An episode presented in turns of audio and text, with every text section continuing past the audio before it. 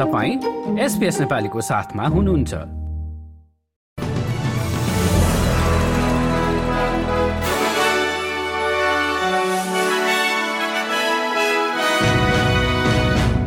नमस्कार आज बिहिबार एक्काइस डिसेम्बर दुई हजार तेइस। अब पालो भएको छ एसपीएस नेपालीमा आजका प्रमुख अस्ट्रेलियन समाचारहरू सुन्ने।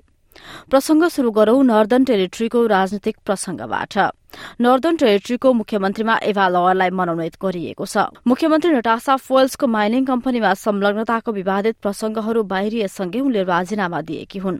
लयरले आजै पद तथा गोपनीयताको शपथ ग्रहण गर्ने कार्यतालिका रहेको छ। हाल ट्रेजरर रहेकी उनी सन् दुई हजार सोह्रदेखि नर्दन टेरिटरीको सांसद रहेकी छिन्। यता रक्षा मन्त्री रिचर्ड मार्सले अस्ट्रेलियाले रेड सीमा युद्धपोतहरू नपठाउने बताएका छन्। अमेरिकाले गरेको विशेष आग्रह स्वीकार गर्दै रक्षा मन्त्री मार्सले थप छजना जना नौसेना पठाउन प्रतिबद्ध रहेको भए पनि युद्धपोत भने नपठाउने बताएका हुन्। त्यस्तै ट्रान्सपोर्ट वर्कर्स युनियनले सुरक्षित जीवनका लागि यातायात सुधारका योजना संसदबाटै अनुमोदन गराउन माग गरेका छन्। अर्का एकजना डेलिभरी राइडरको कामकै क्रममा मृत्यु भएको समाचार आएसँगै युनियनले सुरक्षित जीवनको मागसहित उक्त योजना संसदबाटै पारित गराउनुपर्ने माग गरेको हो। डीएचको तथ्याङ्क अनुसार पछिल्लो सात वर्षको अवधिमा नौ सय सत्रजना डेलिभरी राइडर घाइते भएका छन्।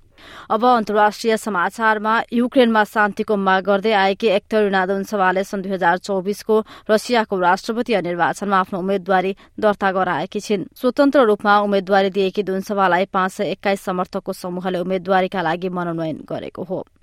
अब खेलकुदमा सकरुजका एकतीस वर्षीय म्यासिम लुवङ्गोले अन्तर्राष्ट्रिय फुटबलबाट सन्यास लिएका छन्। सिडनीको आइपिआर लाइखाटबाट फुटबल करियर शुरू गरेका लुवङ्गोले सन् दुई हजार पन्ध्रमा एसिया कपको जितमा साउथ कोरिया विरूद्ध गोल गरेका थिए।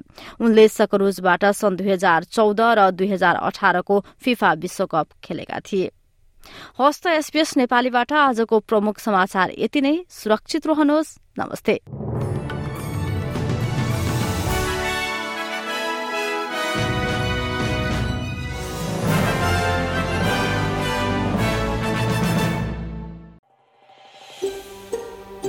यो जस्तै अन्य प्रस्तुति सुन्न चाहनुहुन्छ?